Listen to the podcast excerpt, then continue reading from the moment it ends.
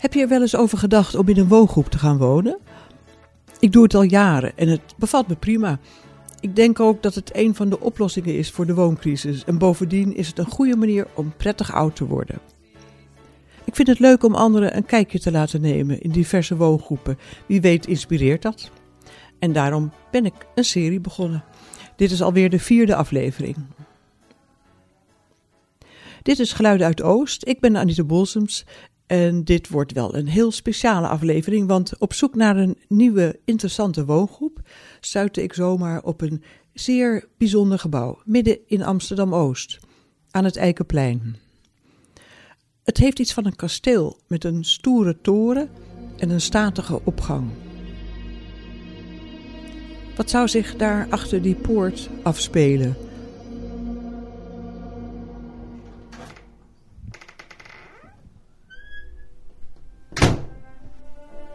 En als de kasteelpoort dan achter je dichtvalt met een klap, weergalmt het in de gangen en weet je plots niet meer zeker in welke tijd we ook alweer leven.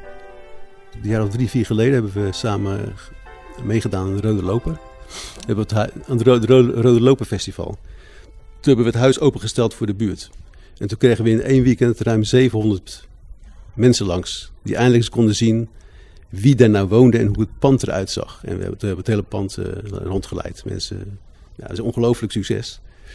En de mensen uit de buurt die, die dachten, die dachten, ja, er wonen alleen maar juppen in zo'n heel groot appartement. Want het bleek dus helemaal niet zo te zijn. Dit is Leo. Hij is een van de bewoners van woongroep Knol. Ik woon hier al, uh, ik denk het langst, sinds 1989 al. Het gebouw is ooit neergezet op aanwijzing van Elisabeth Otter Knol. Een gefortuneerde dame uit de 19e eeuw. Wier wens het was om dames uit de deftige stand een goed onderdak te bieden. Fatsoenlijke dames die onvermogend en zonder eigen schuld niet in staat zijn in haar eigen onderhoud te voorzien. Zo had ze dat omschreven. Want voor arme mensen werd al genoeg gedaan in die tijd. Er kwamen 16 woningen en een regentenkamer in Empire-stijl. Een eet- en conversatiezaal en een tweede conversatiezaal in de Queen Anne-stijl. In 1912 werd het statige, luxueus ingerichte pand geopend. Toen het echter niet meer voldeed aan de eisen voor moderne bejaardenzorg, vertrok de Elisabeth Otter Knol Stichting naar een bijna net zo deftig verzorgingstehuis in Buitenveldert. Dat was in 1980. Vanaf het begin is het uh, verhuurd door. Uh, ja, toen was het nog een bouwbedrijf Amsterdam, wat later IJmeer is geworden. Die hebben het gewoon voor één gulden overgenomen van de stichting, Elisabeth Otter Knol. En die hebben het vervolgens verhuurd, uh, voor, ja, ingericht voor, de, voor jongerenhuisvesting. Ja, het is haast niet voor te stellen dat waar ooit slechts 16 dames huisden, nu drie woongroepen zijn gevestigd. Een designbedrijf en een begeleid wonengroep. Ik woon hier met mijn, met mijn vrouw, Marianne. En wij hebben twee kinderen, die zijn hier geboren en getogen. En die wonen hier op dit moment niet meer, die wonen nu op zichzelf. De in Duitsland geboren Jasmin is ook een bewoonster. We zitten in de gemeenschappelijke keuken. Ooit de regentenkamer. Ik woon hier denk ik nu ja, drieënhalf jaar, bijna vier jaar misschien. En ik ben de, het meest recente woongroeplid. Ik woonde alleen. maar sinds uh, januari dit jaar eigenlijk niet meer, want er is een kleine man bijgekomen. Een klein babytje, Levi Frits Otto heet hij. En de vader komt ook binnenkort hier wonen. Er wonen op dit moment elf volwassenen en zeven kinderen. De jongste is uh, nul, nul, nog, hè? Tien, ma ja, precies, tien maanden. Uh, tien maanden. En de oudste is nu, dat is Sarah, die is 18, denk ik. Tarek, die is 14. Beam, ja, het is ook een jaar of 13, denk ik. Ja. Dan Dante is 10, denk ik, bijna. Nee, jongen, Dante is 9. En wie hebben we nog meer? Mira is ook een jaar of... Ik ben zo slecht in leeftijd. 10, ja. Uh, het is voor mij voor het eerst dat ik een woongroep met kinderen bezoek. Dus ik ben vooral nieuwsgierig hoe dat in zijn werk gaat met kinderen. Leo die vindt zijn kinderen echt woongroepkinderen. Ja, dat je, dat je merkt dat ze in een contact met anderen heel uh, vanzelfsprekend contact maken. En dat, dat is me altijd wel opgevallen. Jasmin ziet dat ook bij haar nog jonge zoontje. En vandaag zei de, kinder, zei de leidster tegen mij van de kinderdagopvang, zei tegen mij, hij is zo sociaal, hij is zo, hij is zo open en hij zoekt de hele tijd contact. En toen dacht ik, nou, zou dat te maken hebben met dat hij in de woongroep is opgegroeid? Maar het is niet zo dat er een soort gemeenschappelijk programma is. En het is ook niet zo dat, dat mensen zich heel direct met elkaars opvoeding bemoeien. Dat is ook bewust, want dat is een heel kwetsbaar iets. Want iedereen heeft daar zo zijn eigen ja, manieren van omgang mee. Met hoe je met je kinderen omgaat. Dus het moet wel heel bizar zijn. Bijna dat mensen kinderen slaan, bij wijze van spreken. Dat is, wat, dat is nooit gebeurd trouwens. Maar dat, dat je daarvan wat zou zeggen. En verder wordt dat eigenlijk. Uh, houden mensen dat daar een beetje verre van. Nou ja, het is een beetje. Uh, zeg dat leven en laten leven. En dat geldt dus ook voor als je dingen ziet hoe kinderen hun ouder, hoe, hoe, ouders hun kinderen opvoeden. Dat je dan wel denkt, nou, zou ik dat nou wel zo doen? Of dan zeg ik nee, zou ik niet zo doen, maar dat laat ik dan zo. Nu als moeder vind ik het heel mooi om te zien van hoe andere ouders met hun kinderen omgaan. Dat ik elke keer denk, oh ja, dat is wel ook een mooie manier om zo mee om te gaan. Ik vind dat gewoon heel inspirerend. En ik voel zelf ook veel minder de, de druk of de angst iets fout te kunnen doen.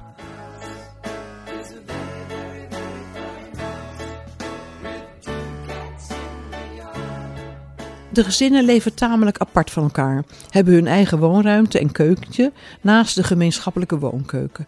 Toch lijken de kinderen in de woongroep wel een speciale band met elkaar te hebben. Ik vind het ook heel bijzonder om te zien dat hij dan met Maite is dan toch een beetje alsof hij een soort van zusje ineens daarbij heeft. Ik bedoel, ze zien elkaar bijna elke dag. Ook al zijn ze niet de hele dag samen. Maar als ze elkaar elke dag zien, ze, maken ze elkaar toch heel anders mee dan vriendjes. Weet je, vanzelfsprekend bijna zoals broertje en zus met elkaar omgaan. En ik merk ook dat hij zo onvoorwaardelijk eigenlijk bejegend wordt en zo zo'n warm welkom hier krijgt. Toen hij net geboren was en ik met moederschapsverlof was, had ik soms het gevoel dat hij zich best wel verveelde met mij alleen. En dat, dat hij eigenlijk zo in de middag werd hij heel onrustig en dan moest ik met hem naar buiten gaan. En dat was altijd iemand die we dan tegenkwamen hier op de gang, die dan weer even naar hem keek en even weer met hem praten en even weer aandacht voor hem had. En ik merkte dat hij dat heel erg heel erg fijn vind. En ik merk ook nu dat als ik dan langs de grote keuken loop en hij hoort hier lawaai, dan wil hij daar gewoon naar binnen. Dan wil hij niet rustig terug naar ons huisje, maar hij wil dan gewoon kijken, wat is er aan de hand? ja, ik kan alleen voor mijn eigen kinderen spreken, maar die vonden het altijd heel leuk.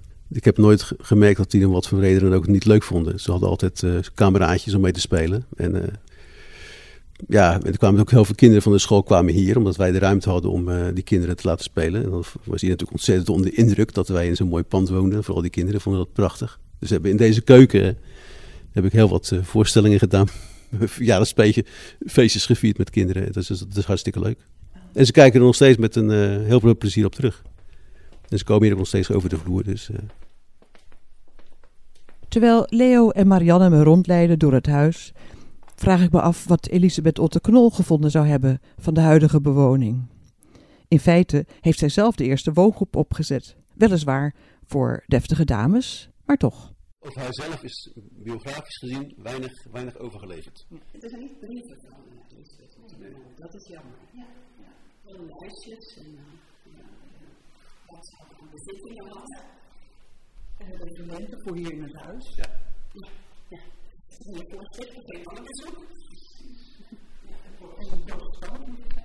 Ja, er nog één Spijkers in de muur. Geen spijkers in de muur? Nee, je spijkers in de muur.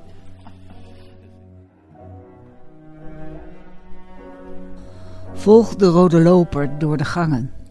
Glij, fiets of trippel op ijskoude kousenvoeten de rode gangen over. Struikel niet over fietsen en sluit deuren goed achter je, of kleine voetjes ontsnappen de wijde wereld in. Het pand is geopend in ja, 28 februari 1912. En is ook gevierd. En een maand later kwam koningin Emma langs.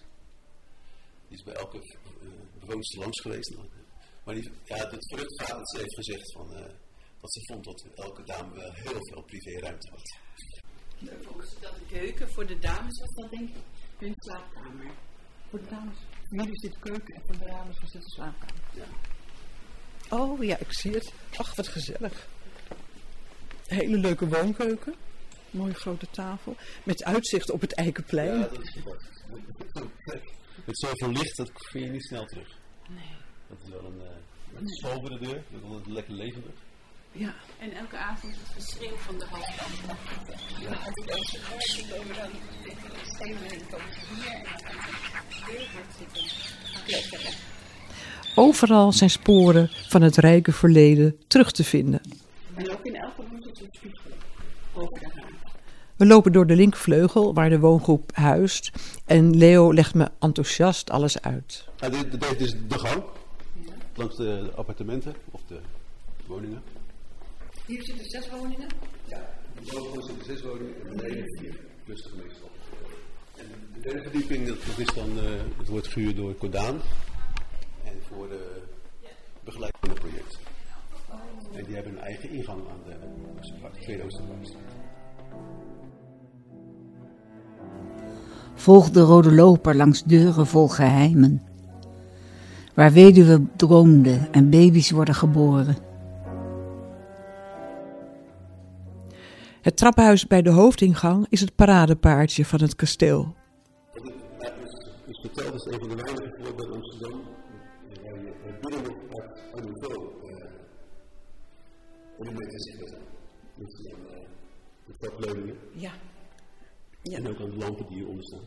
Ja. Ja.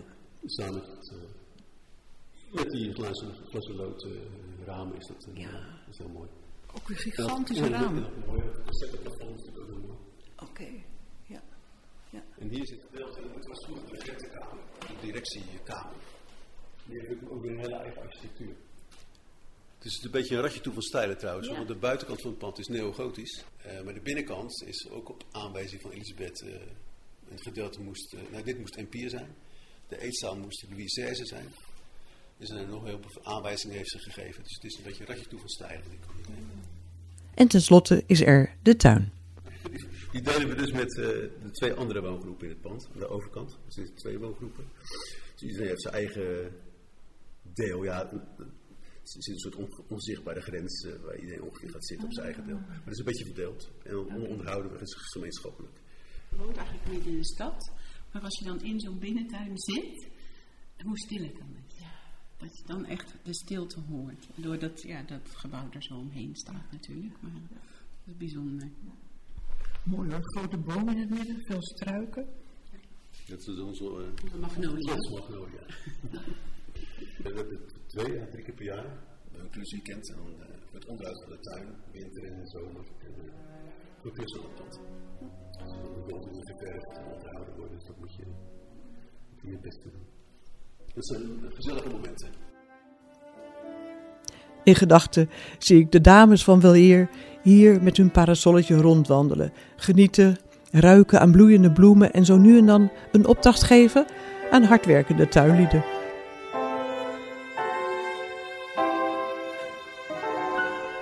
Als je geluk hebt en het is zomer, loop je langs de tuindeur en waan je je in een paradijs waar Luid Amsterdam ver weg lijkt.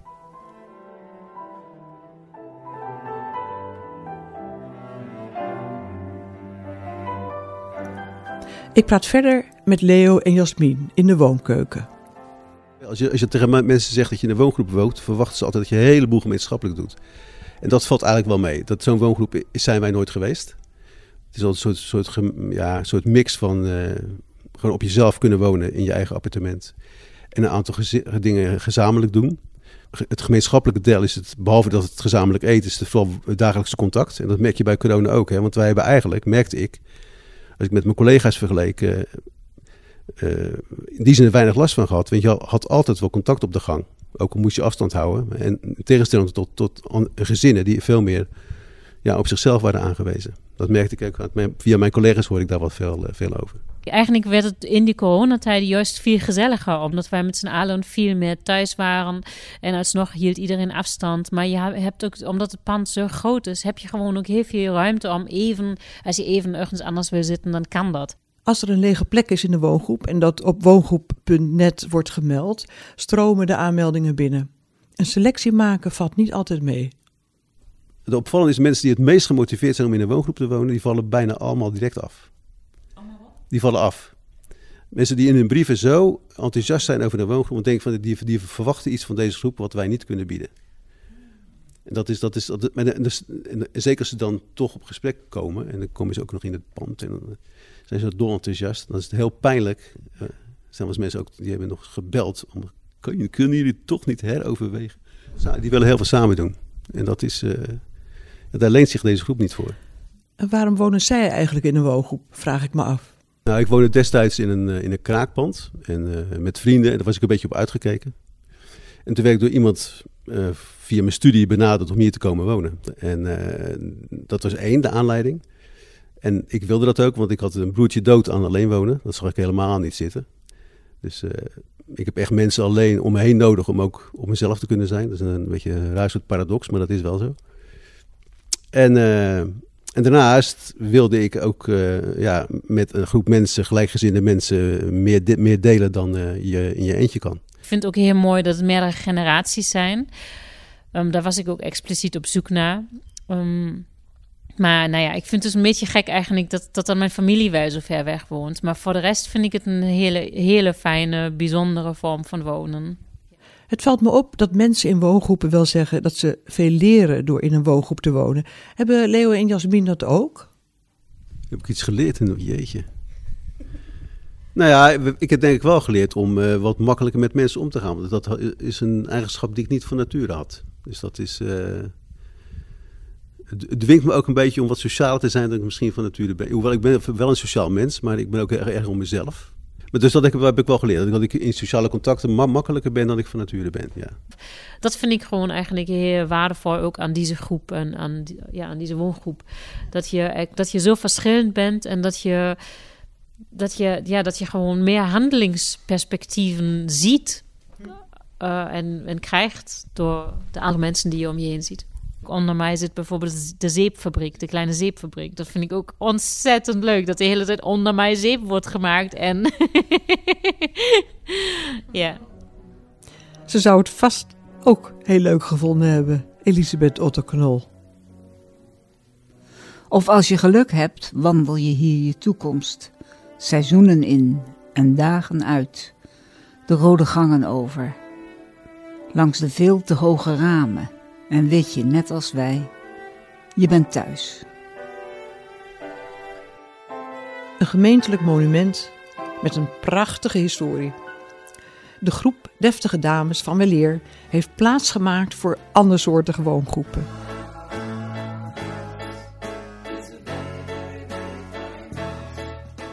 De muziek die je hoorde kwam uit de cello sonate nummer 1, opus 38 van Johannes Brahms en uit Our House van Crosby, Stills, Nash Young. De stukjes tekst die werden voorgelezen komen uit een gedicht van Meike Minne Klinkspoor, een van de oud-bewoners. Het heet Platanen op het Eikenplein. En de foto's die naast de podcast zijn geplaatst, zijn gemaakt door Marianne Bogaert. Wil je nog meer weten of heb je nog leuke tips? Mail dan naar hello@geluidenuitoost.nl.